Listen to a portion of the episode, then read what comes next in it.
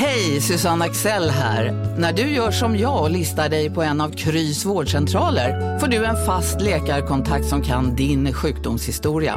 Du får träffa erfarna specialister, tillgång till lättakuten och så kan du chatta med vårdpersonalen. Så gör ditt viktigaste val idag, lista dig hos Kry.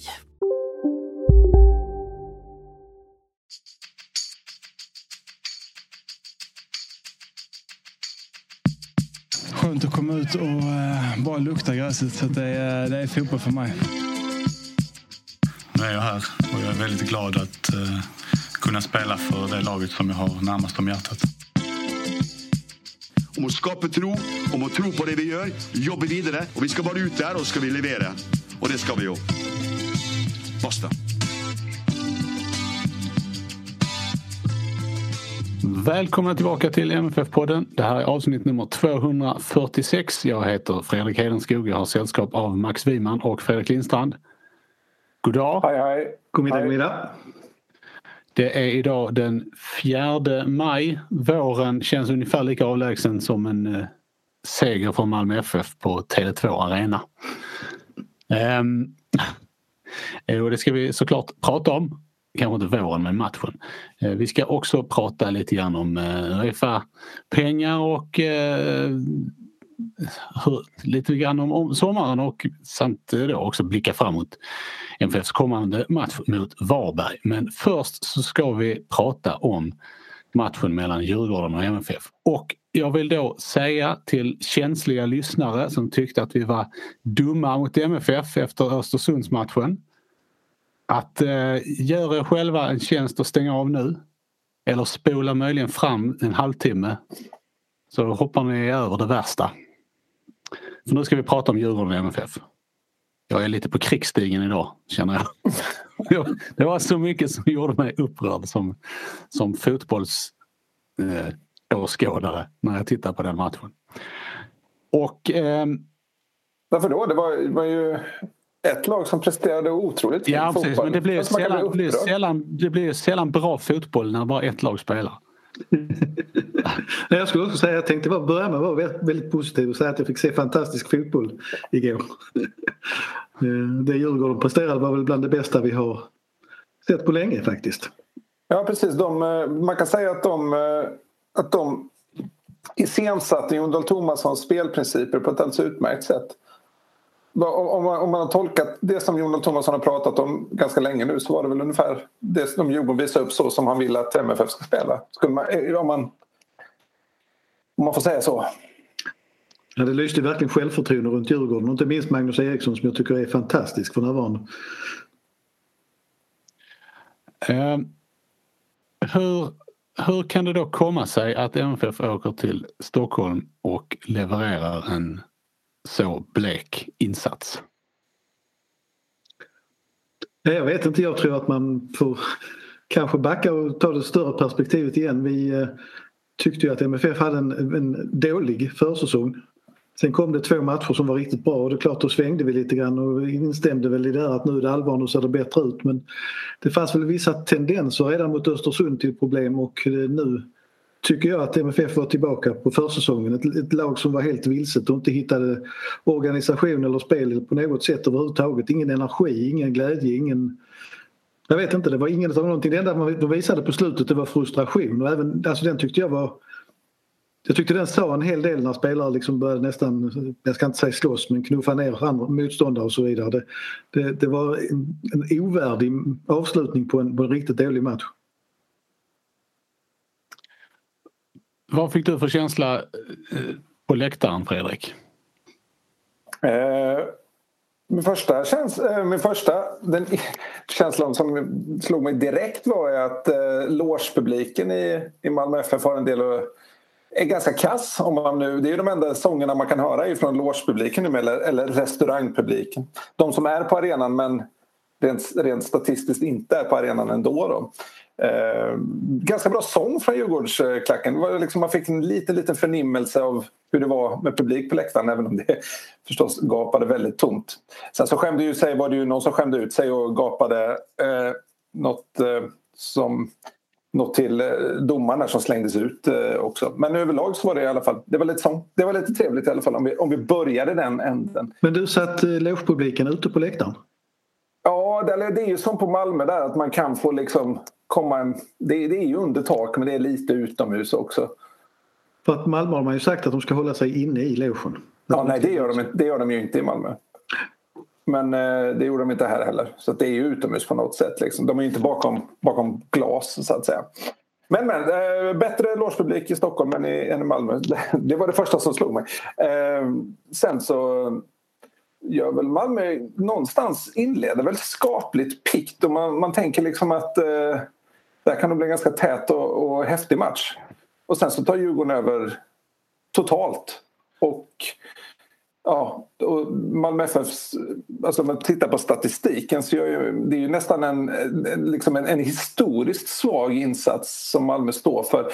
De har ett expected goals på 0,44. Det, det saknar motstycke i modern tid för MFF. Eh, inte ens, jag har inte tittat alla Europamatcher men om man tittar mot Dynamo Kiev borta eh, där MFF stryk med 1-0 Eh, Eh, brukar ju kunna nämnas som en match som man skapar någonting framåt så är det ändå ett bättre expected goal-snitt än vad det var igår mot Djurgården. Eh, så det är ganska anmärkningsvärt. Det var ingen jätteskillnad i passningsprocent mellan lagen men, men det, som, det, sticker, det som sticker ut är brytningar för Djurgården som stoppar MFFs spel gång på gång egentligen. Eh, och dessutom så saknar eh, MFF nästan helt inläggsspel vilket är en stor skillnad från tidigare matcher. Det är ju, vet inte om det beror på liksom att man inte når upp till nivå rent inställningsmässigt eller om Djurgårdens matchplan bara är väldigt, väldigt, väldigt bra. Men eh, Erik Larsson slog ett inlägg där till Adinalis eh, reducering. Det är, det är nog faktiskt det enda inlägget som når fram. Och är, och är ett av få som kommer överhuvudtaget. Det var ju ett tag Malmö hade högre bollinnehav men det var ju på egen planhalva. Jag, alltså det, jag tycker de tendenserna har funnits innan men det här att spela runt i backlinje långsamt, långsamt och spela tillbaka till backlinje. Alltså de, de hade en, ett läge i andra halvlek där det kändes som det skulle kunna bli en kontring när, när Colak vann boll eller tog emot boll högt upp och det slutade med att Marco Johansson hade bollen. Eh, det gick liksom bara baklänges hela vägen. Jag, jag tycker att MFF bara ser ängsligt och vilset och ut och det är helt, helt utan idé alltså. Vi var ju inne lite på det också efter Östersund att de tendenserna lite grann fanns där att man gärna ville vända tillbaka väldigt ofta. Ja, det är, det är någonting som eh, om det har med balansen i laget eller självförtroendet eller vad det är, jag vet inte men det är, det är liksom en tvekan i hela spelet. Och, eh, det här att börja om och börja om och börja om. Det, jag tror inte på den typen av spel för, för Malmö FF överhuvudtaget. Eh, det var väldigt svårt att hitta något positivt igår, det måste jag verkligen säga. Ja. Det var de första fem minuterna då? Jo, men det kan de var ju inte direkt positiva, de var mer neutrala. ja, ja, precis. Men i, sett i skenet av de andra 85 plus tillägg. Men ska man se någonting positivt, men det beror ju inte egentligen inte på att MFF gör någonting bra utan snarare på Djurgårdens oförmåga så är det ju faktiskt att, att med bara drygt 20 minuter kvar att spela så är det faktiskt fortfarande match. Malmö FF ligger bara under med 1-0 när det har gått 65 minuter. Det, det vet inte, man kan inte nämna det som någonting positivt med tanke på att det verkligen inte det är inte ens egen förtjänst. Djurgården skapar ju definitivt chanser för att göra ännu fler mål men någonstans lever det ju där i alla fall. Om, man ska liksom greppa Halmström. Jag tycker också just att man kan inte riktigt eh, leva på det heller när, när Djurgården har två stolpträffar. Det, det, liksom, det är bara millimeter ifrån och att Brorsson råkar vara på rätt plats och rädda på mållinjen. Liksom det, det kunde ju stått 4-5-0 eh, betydligt tidigare i den här matchen. Mm. Jag tänkte vi kunde återkomma till den aspekten sen för det är precis som ni säger. Det var ju ändå, trots att Djurgården gjorde tre mål så gjorde de ju inte mål på sina bästa lägen. Och där, där finns ju en annan oroande tendens, sen får, får MFF säga vad de vill. Eh, det är fortsatt så att de inte håller nollan och nu var det ju inte ens i närheten igår men man fortsätter att släppa in mål. Och jag såg ju matchen på TV och reagerade på en statistik som var en liten stund innan slutet förvisso. Men, eh, och det var att Malmö FF har släppt, hade släppt in sju mål i allsvenskan på 16 avslut på mål. Den statistiken är inte upplyftande för vare sig försvar eller målvakt. Så att du är nere på nästan 50 som går in av skotten på mål. Det är ju handbollsmålvaktsstatistik nästan. Ja, alltså ska vi, om vi, ska, om vi eh, ändå har halkat in här så tycker jag att vi kan prata en stund om detta. Eh, MFF meddelade ju tidigare i veckan att, att Johan Dahlin är på väg tillbaka och att man räknar med honom efter eh, eller hoppas i alla fall att han ska kunna spela efter EM-uppehållet. Jag skulle vilja hävda att Malmö FF behöver byta målvakt nu. För att Marco Johansson, eh, apropå det vi pratade om innan, agerar nu totalt utan självförtroende. De målen som han släpper in eh, Första målet, Bärkrots skott, det är ett bra skott men det är från väldigt liten vinkel och han eh, Johanssons agerande vid målet är att han liksom kastar sig lite kastar sig halvt, lägger sig snett bakåt. Då räddar man väldigt få skott. Eh, och vi ska inte tala om tredje målet eh, som Bärkroth rullar in mellan benen på honom från kortlinjen. Det är ett sånt mål man släpper in i slutet av en träning när man har slutat bruka allvar. Eller, eller i en VM-semifinal VM 1958. Ja, precis. 1958 kunde man komma, men det var ju inte mellan benen. Sant. Eh, jag, jag, får väldigt starka signaler om, eh, från, eh, att det handlar om en målvakt som inte tror på, på det han håller på med för tillfället. Och som sagt det sista målet kändes lite grann som en som hade gett upp. Eller inte brukade allvar. Ja, det är ju intressant du som gammal målvakt är så tuff Fredrik. Vi har ju diskuterat och ifrågasatt situationen där tidigare. Och jag, jag tycker ju synd om Marco Johansson i grunden för det är klart att han är en en duktig målvakt men han kanske är på en för hög nivå och har kommit under för stor press nu här som vi diskuterade eftersom det inte heller finns naturlig pondus bakom. Mattias Nilsson är ju väldigt orutinerad även han. Så att det finns ju ingen trygghet bakom honom heller på något sätt. Eh, så att jag, jag kan väl bara hålla med att någonting måste man snart göra. Ja, så antingen, antingen så måste man byta målvakt eller så måste man hitta ett sätt att få Marco Johansson och tro på, på sitt kunnande, för det finns. Mm. Mm. Han gjorde någon riktigt bra räddning också men, eh, men det är fortfarande, det, det, det är inte, han, han äger inte sitt, sitt område, det gör han inte. Jag tycker, eh, Sen ska man säga vid första målet, varför lägga till det, det var väl också att Arnel hade väldigt svagt försvarsarbete. Han vände ryggen mot just i den när Bärkryd skjuter. Eh, lite uppgivet där också faktiskt. Ja, det är för, för övrigt intressant iakttagelse att eh, Knutsen mycket kritik för sin insats eh, igår men samtliga tre mål kommer faktiskt från, till från andra kanten. Eh, kunde mycket väl bli ett mål från Knutsens kant också men det var bara en iakttagelse.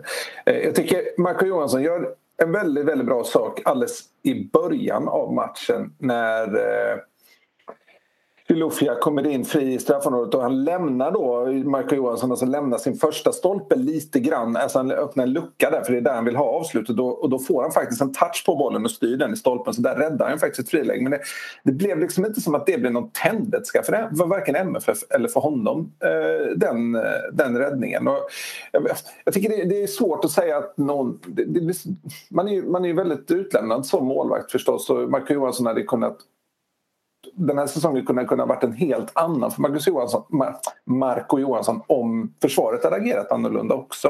Eh, det, det, är liksom... Det, det, är svårt att peka ut just honom men det är klart att hans ingripanden blir så, de, de blir så tydliga liksom. Och det, det håller ju inte jag för en backlinje. Jag... Nej, men det håller ju inte för, för ett försvar överlag att om, om man inte litar på den sista utposten så då måste ju någonting göras. Ja, alltså det, det är en eh, samverkan såklart mellan, mellan en massa olika faktorer. Jag säger bara att det som jag tycker mig se nu är en målvakt som inte liksom som inte riktigt tror tror på det som han och, och försvaret håller på med och som inte riktigt eh, Alltså spelar ett lite, ska jag säga, ett defensivt målvaktsspel. Om ni förstår vad jag menar. Mm. Ja, men det är någonstans så också att det, det, det, det, är svårt det där. Man, man är lite rädd att kritisera en målvakt och det, liksom, det är lite tabu nästan att göra det. Men en, en trupp på MFFs nivå måste ju ha en sån bredd även där att man kan göra ett målvaktsbyte om det inte fungerar för annars blir det väldigt konstigt.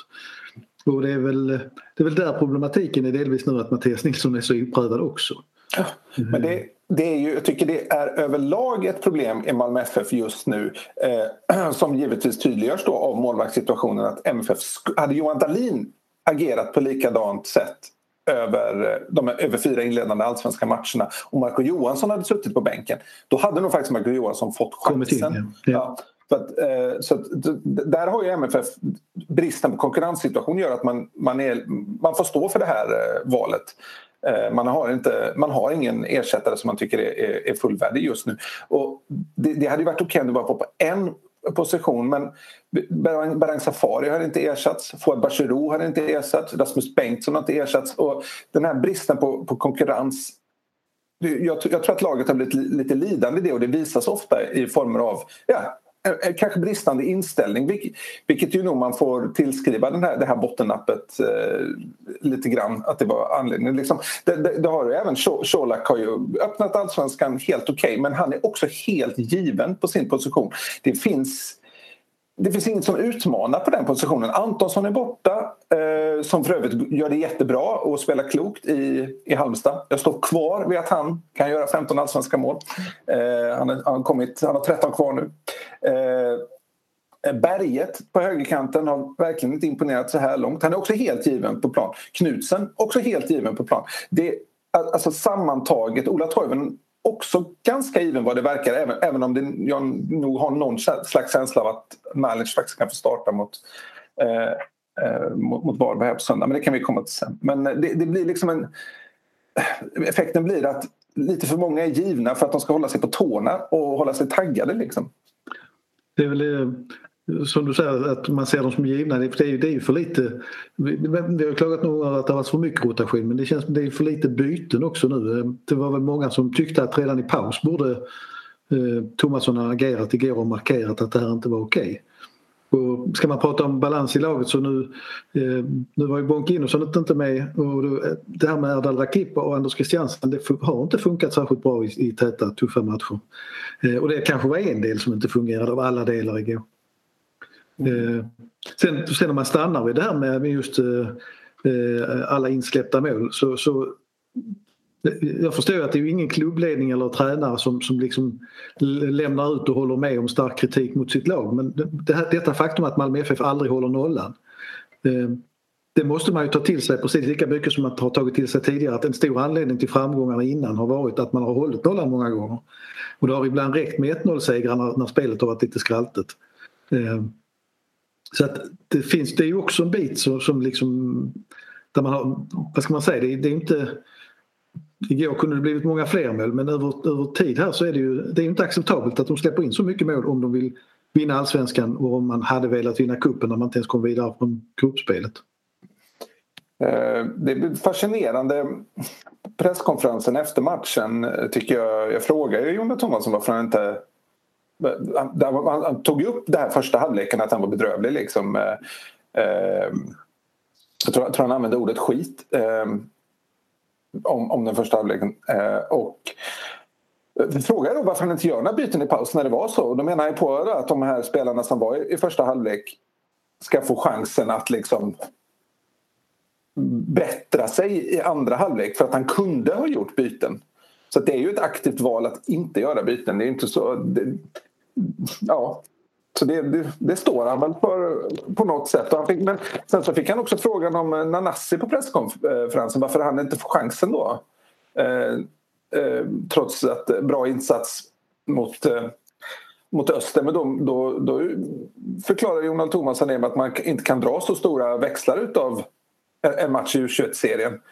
Och det tycker jag fascinerar lite grann. Vad, vad, vad, skickar det ut för signaler till de som spelar de här U21-matcherna? Vad du presterar där, det, det spelar inte så stor roll. Nej, det, det, ja, förlåt. Nej, det, det, det, är liksom... Jag, jag har lite svårt... Han, han håller väl säkert analysen internt men det, blir, det är fascinerande att lyssna. Han får ändå ganska mycket frågor om om, om, om, och jag ställde också en fråga om, eh, om det här med att de släpper in mål i varje match. De sa uttryckligen efter Östersund att de måste bli bättre i försvarsspelet. Så går man och släpper in tre i nästa match. Men det, det är liksom, och frågade också om vad det betyder att de inte hade den här defensiva balansspelen. Det är liksom, men att Bonke var med, eller att Lewicki inte var med, det spelar ingen roll för den här insatsen. Att MFF släppte in eh, mål i varje match, det, det det, det är liksom inte ett tecken på att försvarsspelet inte fungerar eh, och att han inte gjorde några byten i paus, det hade inte påverkat matchspelet. Det blir liksom en, en, Det ger ett ignorant intryck liksom. Och sen så är analysen säkert en annan internt men att, att, man, att de väljer att liksom, de vill kommunicera på att det här var, äh, det var, det var, vi var lite dåliga idag. Det betyder ingenting. Det här ska inte liknas vid någonting under försäsongen. Det går inte att dra några paralleller dit. För den frågan fick han också. Uh, ja, det, det, är intressant att den... Yt, yt, utåt sett så vill man inte göra någon analys av att det ska förekomma något slags problem överhuvudtaget. Jag tror, jag tror det är ett problem mm. faktiskt. Jag tror att alltså den här eh, rädslan för, alltså, vi har sagt många gånger Malmö är en fotbollsstad, det finns ett så stort fotbollskunnande, folk ser ju. Eh, folk är väl medvetna om vad som händer. Mycket den kritik som kommer från supportrar och andra på sociala medier och så vidare, den, den är ju faktiskt ganska saklig. Förhoppningsvis även hos oss i media. Så att jag, jag tror att det är en farlig väg. Vad det gällde Nanasi också som du nämnde där så som sagt det är inte bara en match. Han har gjort de fem senaste målen i U21 på de, de tre senaste matcherna. Eh, så det är klart att det framstår som märkligt då att göra ett uttalande om att inte de insatserna skulle spela någon roll. Mm det finns ju ytterligare en konstig... Tillhör också den, han tillhör också den generationen spelare som är betydligt mer bekväm med att spela på konstgräs än exempelvis Joing Berget, Sören Rex, Ola Toivonen. Mm. Yeah, yeah. Ja, Fortsätt Max. Sen, nej, sen tänkte jag bara, då, det är inte någon kritik för gårdagens match för Frans Brorsson var väl en av dem som kanske klarade sig med viss heder i behåll. Men jag tror vi har pratat om det tidigare. MFF förlängde kontraktet med Lasse Nilsson och sen dess har han inte spelat en enda minut. Samma gäller Pavle Vagic.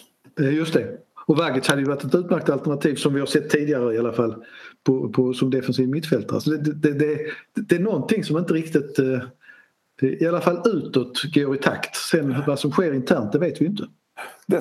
Dessutom gjorde Jon Thomasson ett ganska stort nummer här eh, under försäsongen. Jag kommer inte ihåg i samband med vilken match att han nöjt konstaterade att man alltid ska ändra ett vinnande lag.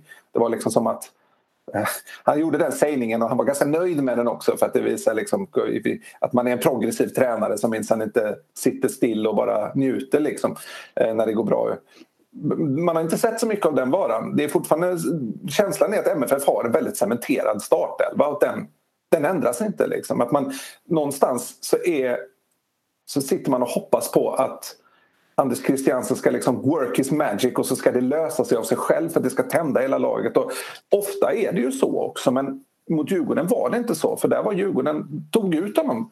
Och de, de skavde på honom, de irriterade honom och de fick också bort Ola Toivonen helt ur matchen. Det var... Att, att det liksom, de, blev, de, blev, de blev både tekniskt och taktiskt utmanövrerade. Djurgården gjorde ju det som sagt fantastiskt bra. Fortsätter de så här så blir de svenska mästare 2021. Det är väl ingen tvekan om det.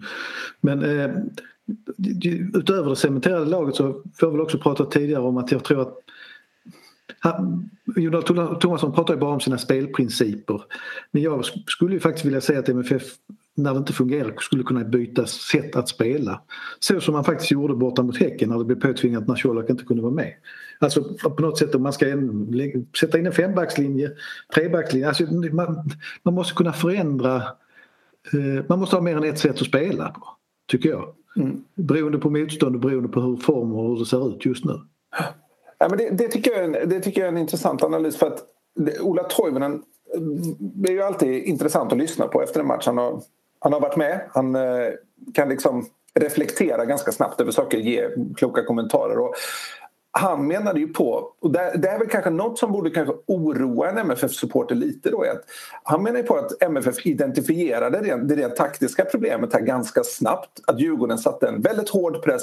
Eh, för, först lämnade Jonas Knutsen ganska fri ute till höger. Det var det alternativet MFF ofta hade. Marco Johansson satte ut bollarna dit och backlinjen satte ofta ut bollarna dit. Då satte Djurgården in en stenhård press på Knutsen som ofta lämnades till att slå in rätt svåra bollar in i mitten.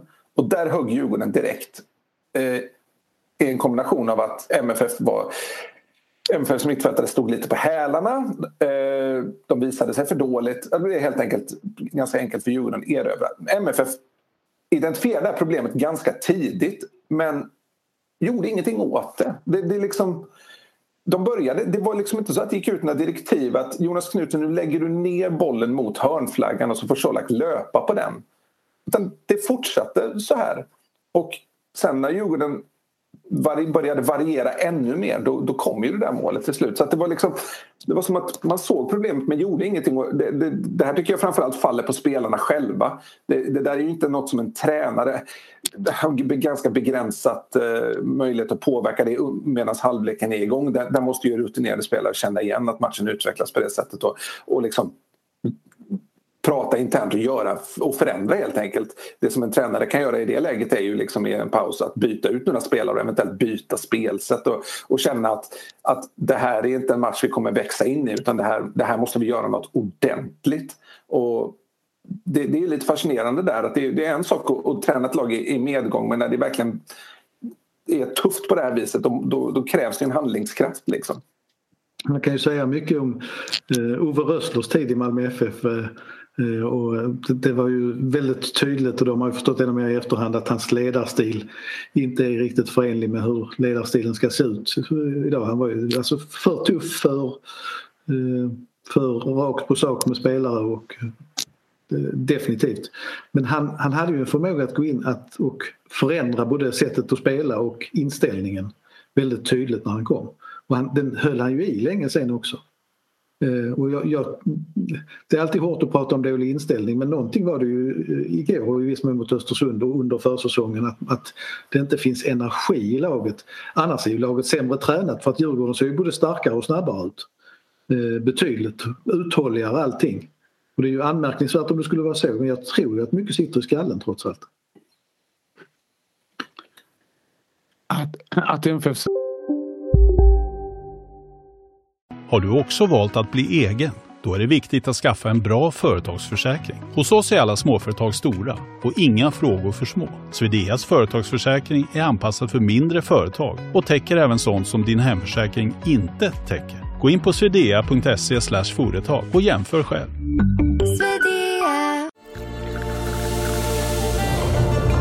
Välkommen till Maccafé på utvalda McDonalds restauranger med Baristakaffe till rimligt pris. Vad sägs om en latte eller cappuccino för bara 35 kronor? Alltid gjorda av våra utbildade baristor.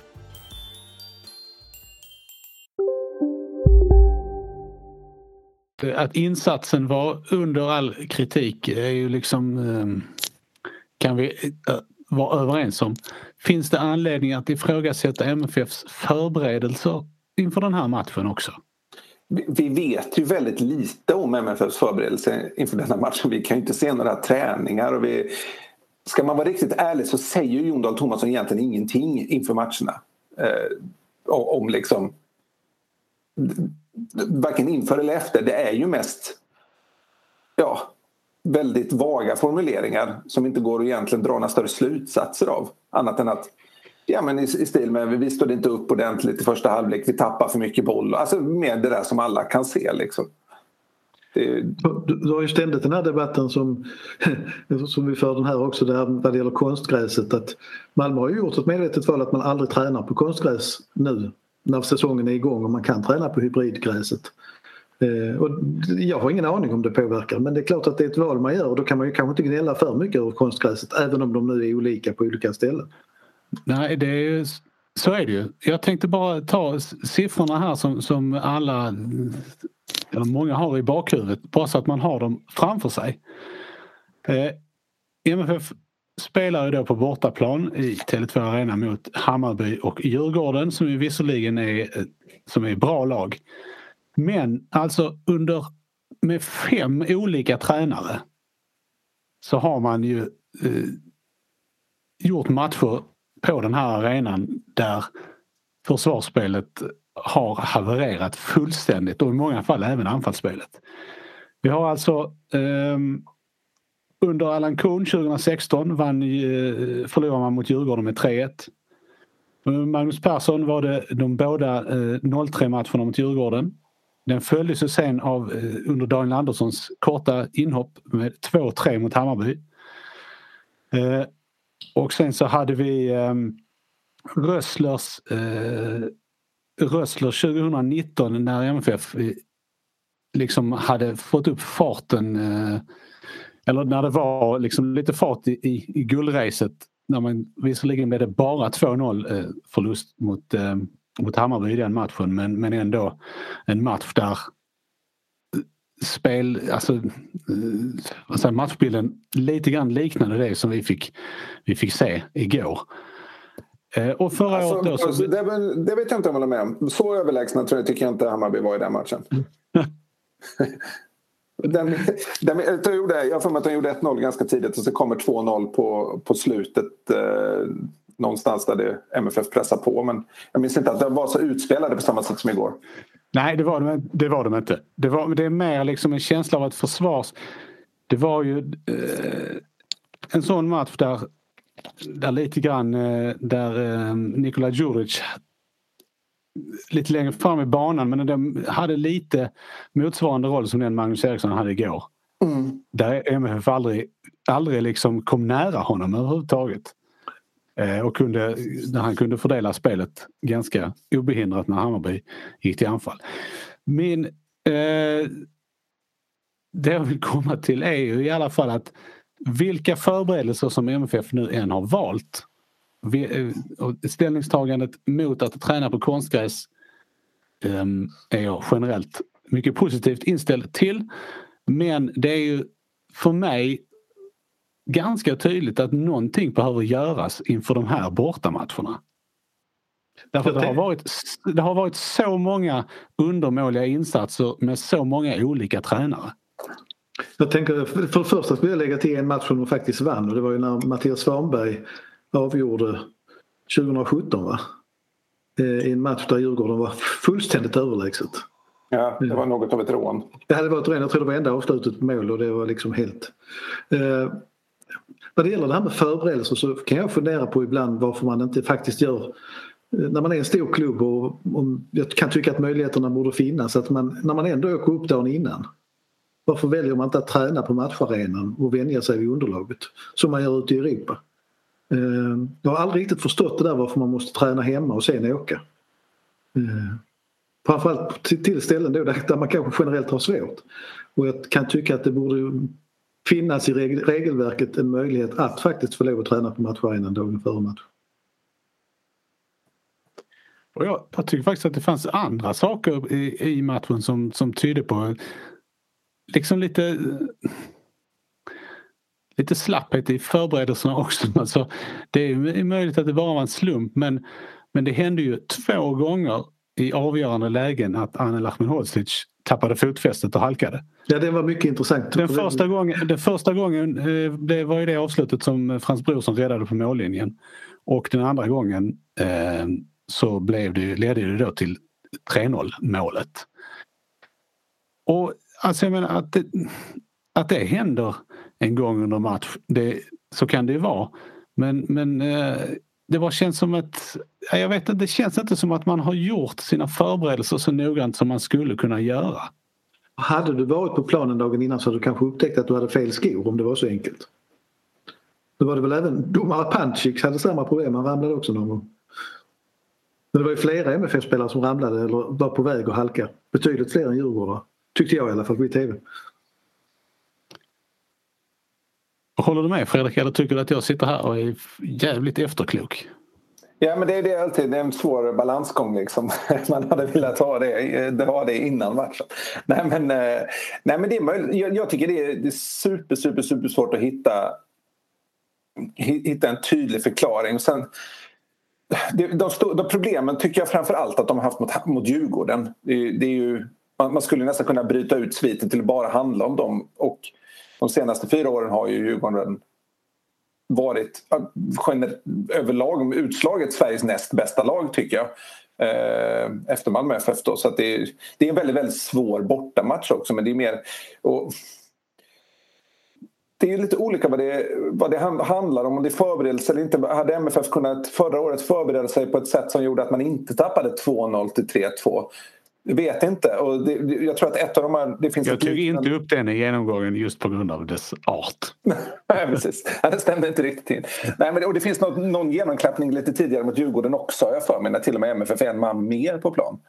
Eh, så det är svårt, men jag, jag, jag, är helt med på det. Att man, varför man inte tränar på matcharenan när man ändå är i stan för att få in en känsla av att liksom, alltså för att är det något man förknippar med Malmö FFs insatser i Europa överlag så är det ju att de är oerhört fokuserade och oerhört noggrant genomförda. Man kanske helt enkelt tar det lite lättare i allsvenskan. Mycket beroende på att man också har kunnat göra det. Men eh, det, det, när man möter ett lag som Djurgården så, så bör man kanske ta ännu hård, liksom mer noggrant på uppgiften.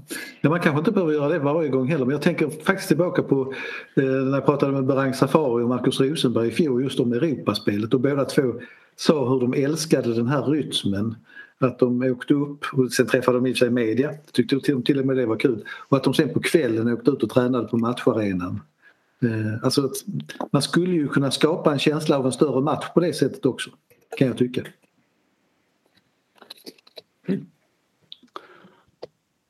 Ja. Ja, eh, ja, jag har mina ord är slut. Ja, men sen ska man ju också kommentera att det här är, det är liksom jag tycker att, det, att den här matchen... Att, att, vi, att, man liksom, att man kan motivera den här typen av kritik med att det faktiskt pekar på större problem med Malmö FF som har synts här under försäsongen och kanske även lite grann mot Östersund även om det var en helt annan typ av match. Jag tycker att liksom att, att bara säga så här att det är en match av 30 och vi låg minsann efter IFK Norrköping i fjol och så vidare. Att det här, jag tycker ändå läget är lite annorlunda här. Djurgården är ett, jag tycker Djurgården är ett kollektiv på ett annat sätt än vad IFK Norrköping var i fjol vilket nog pekar på att de faktiskt kan hänga kvar där uppe på ett annat sätt. Men det, det, det, det handlar ju någonstans om att, att, rätta till de problemen man har haft här. Jag vet inte riktigt om MFF verkligen har tagit det på allvar så som man borde ha gjort efter försäsongen. Håller helt med. Jag tror, tycker det finns en nyckel. Sen är det ju att nu går vi in i en lite annan fas av säsongen då för att det, det, vi kan säga är ju att på pappret hade ju Malmö i alla fall ett svårt program om vi räknar in Häcken som en svår bortamatch. Och nu kommer det ju lite matcher som, som bara ska vinnas helt plötsligt. Eh, inte alla för jag vet att AIK borta är instucket här också men då var Varberg hemma, Kalmar hemma. Eh, och därför var jag lite förvånad över att man kanske inte spelade klokare igår på något sätt. Just det där apropå att kanske skapa en annan en annan uppställning, kanske kört fembackslinje för att överraska eller på något sätt då lämnar man över initiativ, det är jag väl medveten om men att på något sätt göra någonting som gjorde att man slog vakt om den poängen man faktiskt hade från början. Eftersom man visste att det var en svår match. Ja, alltså att, att man har ett svårt program eh, det, det går ju inte att... Så är det ju. Eh, det kan man inte förneka.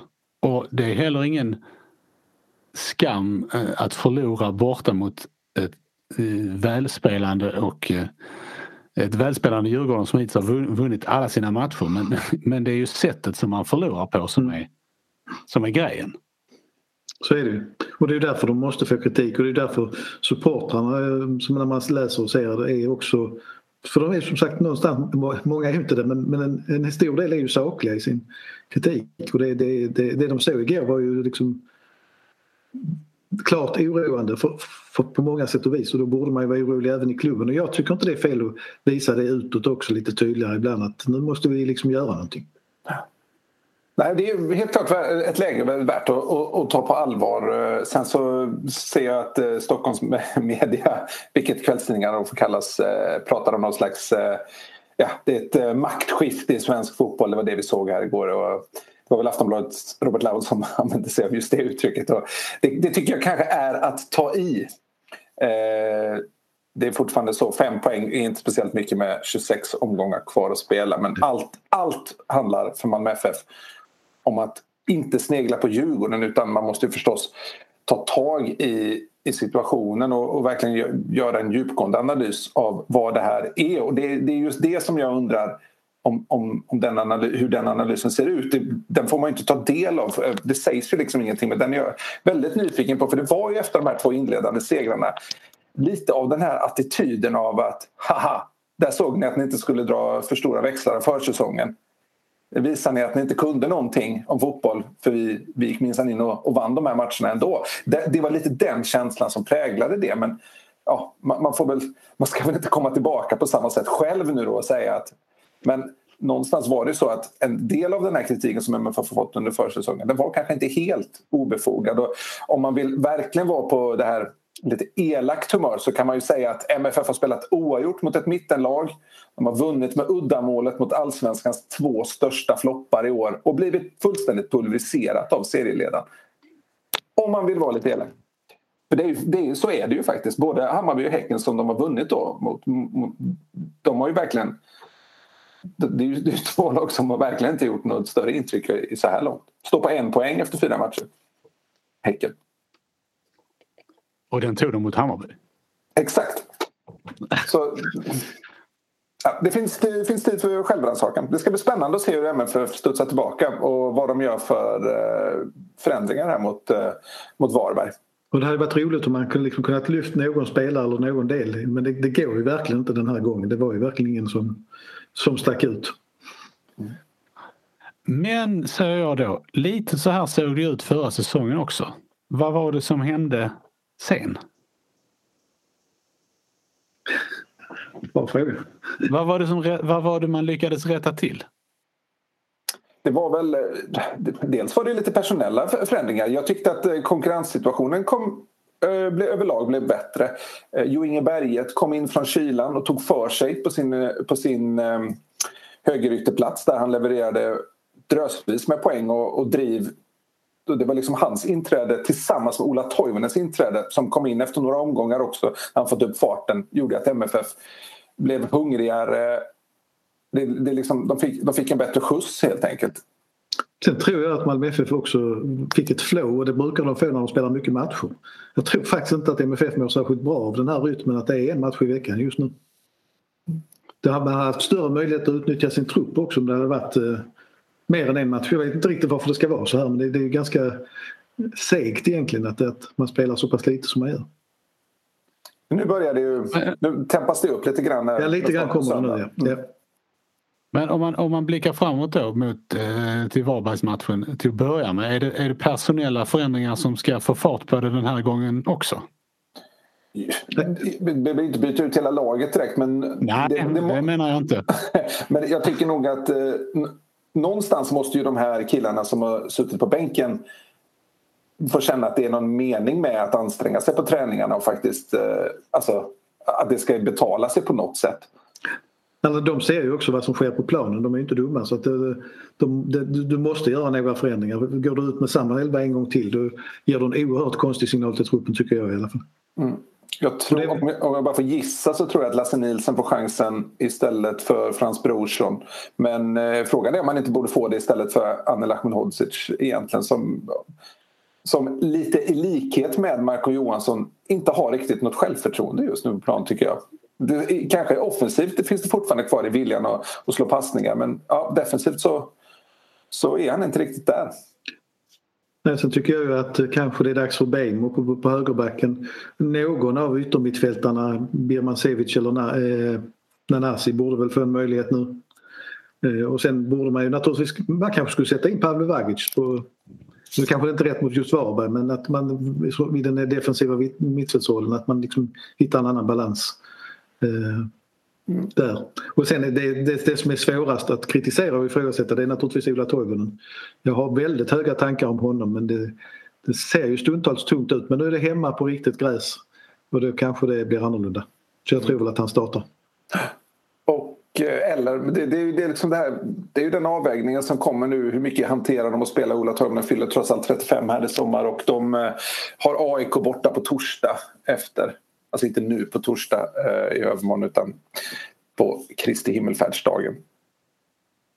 Ska, de sparas, ska någon sparas till den matchen som ju på pappret i alla fall är svårare?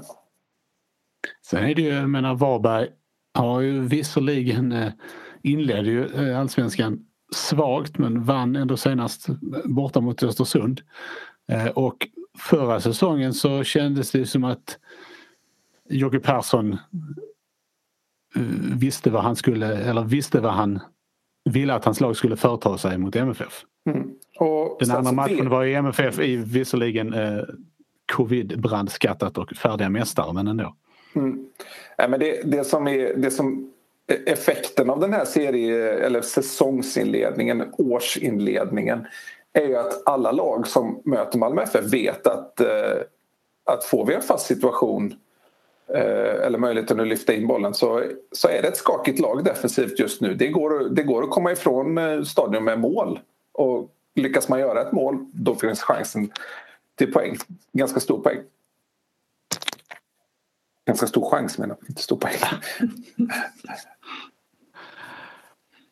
um, ska vi då uh, lämna, uh, lämna händelserna på planen för tillfället och istället prata lite pengar. Max, du skrev ju tidigare, eller i förra veckan, en, en, eh, en text om där du sammanfattade MFFs intäkter från, från Europa-äventyret, det senaste. Och, näst, eh, näst senaste ska vi säga. Ja, förlåt. Eh, ja, det senaste räknar jag inte riktigt. Nej. Och eh, ja, du kan väl eh, berätta om detta lite kort. Ja absolut. Jag, jag tycker ju alltid det är väldigt spännande därför att Uefa är ju i det fallet väldigt transparent så att du kan ju, du kan ju dyka ner och hitta hur mycket roligheter som de siffrorna som helst. Men eh, det, vi pratar alltså om den Europaresan som eh, in, där Dynamo Kiev och FC Köpenhamn och Lugano var en del på hösten och där MFF sedan mötte Wolfsburg. Eh, och eh, den gav ju en fantastisk utdelning igen måste jag säga. Eh, där alltså inträdespremien, den här så kallade koefficient extra tilldelningen man får beroende på sin ranking och sen då när man spelade in och tv-pengarna gav Malmö ungefär 90 miljoner kronor. Och så ska man lägga till ungefär 10 miljoner för kvalet. Eh, där fanns det också en slant för att man gick vidare mot Wolfsburg. Det är ju, det är ju hisnande pengar det här. Och det räddade ju naturligtvis ekonomin mångt och mycket förra året sen. Eh, och, eh, det är ju intressant. Av, eh, först ska vi säga så här att om man då räknar samman sedan 2010 så har alltså Malmö FF dragit in 700 miljoner från Uefa. Eh, och den som inte fattar hur viktigt Europaspel är då vet jag inte riktigt var den befinner sig. För det, och sen kan man diskutera, skulle Malmö få ut ännu mer av de här pengarna? Ja, man har ju ändå fått loss köpt stadion som, som eh, var ett ok och som kunde, hade man inte haft de här Champions League-framgångarna framförallt så kunde det gått riktigt illa. Eh, men nu har man liksom, trots pandemin ett väldigt gott utgångsläge och det, det är ju oerhört spännande tycker jag då när Malmö går in i en Europasommar igen. Eh, där Niklas Carlén då berättar att inträdespremien till Europa Conference League som är den nya tredje ligan ligger på, kommer förmodligen ligga på ungefär samma nivå som Europa League gör idag. Däremot blir det svårare att tjäna stora pengar. Man måste göra mer sportsligt för att få Europa lika mycket under spelets gång så att säga. Men eh, att den inträdespremien ligger så högt eh, och då MFF har det otroligt gynnsamma läget att man vann allsvenskan och går in i Champions League-kval gör att alltså möjligheten att göra en, en stor vinst även i år på detta är enorm. Det är så här att om MFF vinner i första omgången i Champions League-kvalet vilket man normalt sett aldrig ska kunna misslyckas med men Magnus Persson gjorde mot Vardar för några år sedan men normalt sett så är ett sidat Malmö vidare därifrån. Eh, så, så är det så att då behöver man bara vinna en omgång till och det spelar ingen roll där den kommer, för man har flera chanser. Eh, så är man inne i sämst ECL, alltså den nya ligan. Alltså, vinner du två omgångar i Champions League-kvalet då är du ju kvar och kvalar om Champions League och Europa League. Men du vet att du redan är inne i ECL. Eh, och det är ju en, ett känns som ett väldigt, väldigt gynnsamt läge. Jag ska kasta in en enda brasklapp och det är att eh, det finns ett lag som MFF inte får lottas mot i första omgången. Och det är ju naturligtvis norska mästarna. Eftersom det är ett lag som inte har några rankingpoäng överhuvudtaget så är de inte sidade. Och det, det är väl den tuffaste lottning de kan få. Det borde Glimt eh... Ja precis. Sen, sen, kan man säga också vad det gäller, det är kanske lite mer nördigt men vad det gäller den här ECL så kommer den också ge hyfsade rankingpoäng. Och det är också viktigt för fortsättningen eftersom Malmö har rätt så mycket att försvara nu här och skaffat sig en position där man kommer att vara sidade i omgång 1 och 2 av Champions League-kvalet men inte det tredje. Däremot om man trillar ner i Europa League-kvalet genom att förlora den andra matchen så är man nog sidade igen.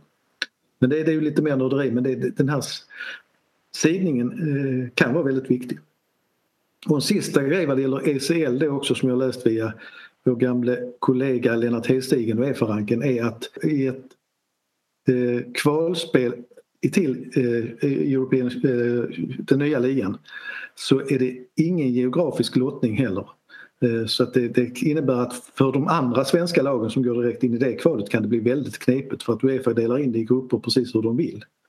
Eh, det kommer inte, eftersom Malmö inte kan komma hamna där förrän lite senare på resan så att säga så är det inte så farligt där. Men, men eh, det kan vara tufft för övriga svenska lag när det är en helt fri lottning. Förlorar Malmö FF i första omgången i Champions League så åker man rakt ner i andra omgången av ECL-kvalet för övrigt. Då kan man inte nå Europa League heller. Så första matchen är oerhört viktig. Är det, var det någonting i de här siffrorna som, som överraskade?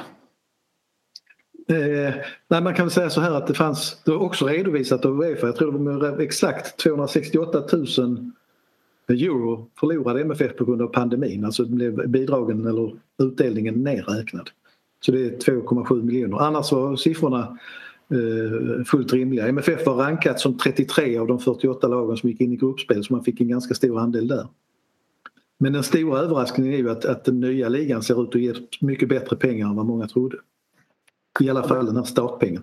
Där får väl eh, Niklas Kanén ha beröm för att ha varit med och eh, förhandlat fram. Absolut. Och det, siffrorna är ju inte offentliga nu men i och med att Niklas Skalén släpper ut lite av det här och att, var han tror att det landar så är han ju rätt så säker för han är ju en väldigt försiktig man. Men jag tror att hans insats har varit väldigt, väldigt viktig och visar att vad ska man säga, att MFF har faktiskt skaffat sig en liten maktposition i Europa. Eh, på den hylla där man befinner sig om jag uttrycker det så. Mm.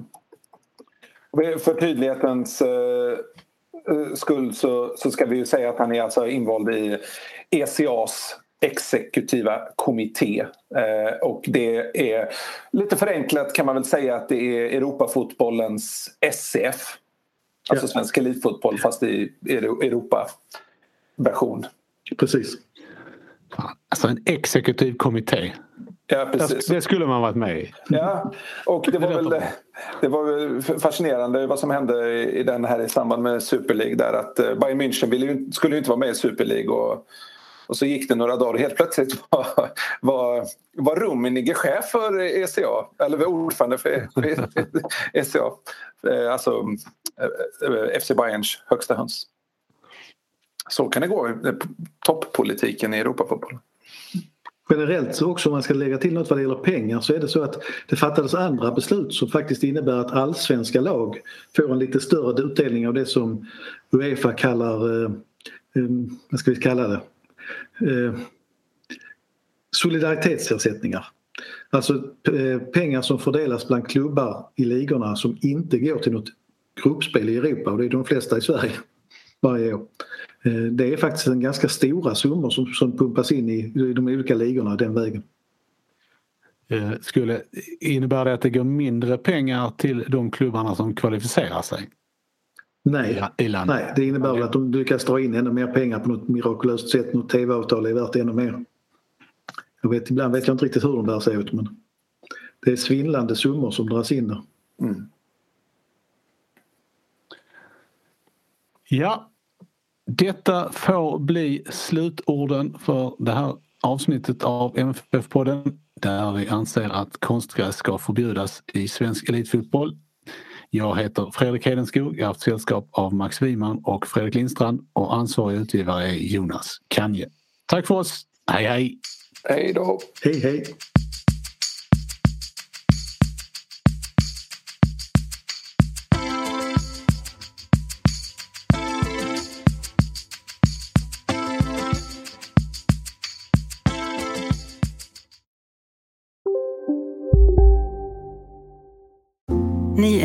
Det största. Och det största är den minsta. Ni minns de första ögonblicken. Och den där blicken gör er starkare. Så starka att ni är ömtåliga. Men hittar trygghet i Sveriges populäraste barnförsäkring. Trygg Hansa. Trygghet för livet. Upptäck det vackra ljudet av McCrispy Company för endast 89 kronor. En riktigt krispig upplevelse för ett ännu godare McDonalds.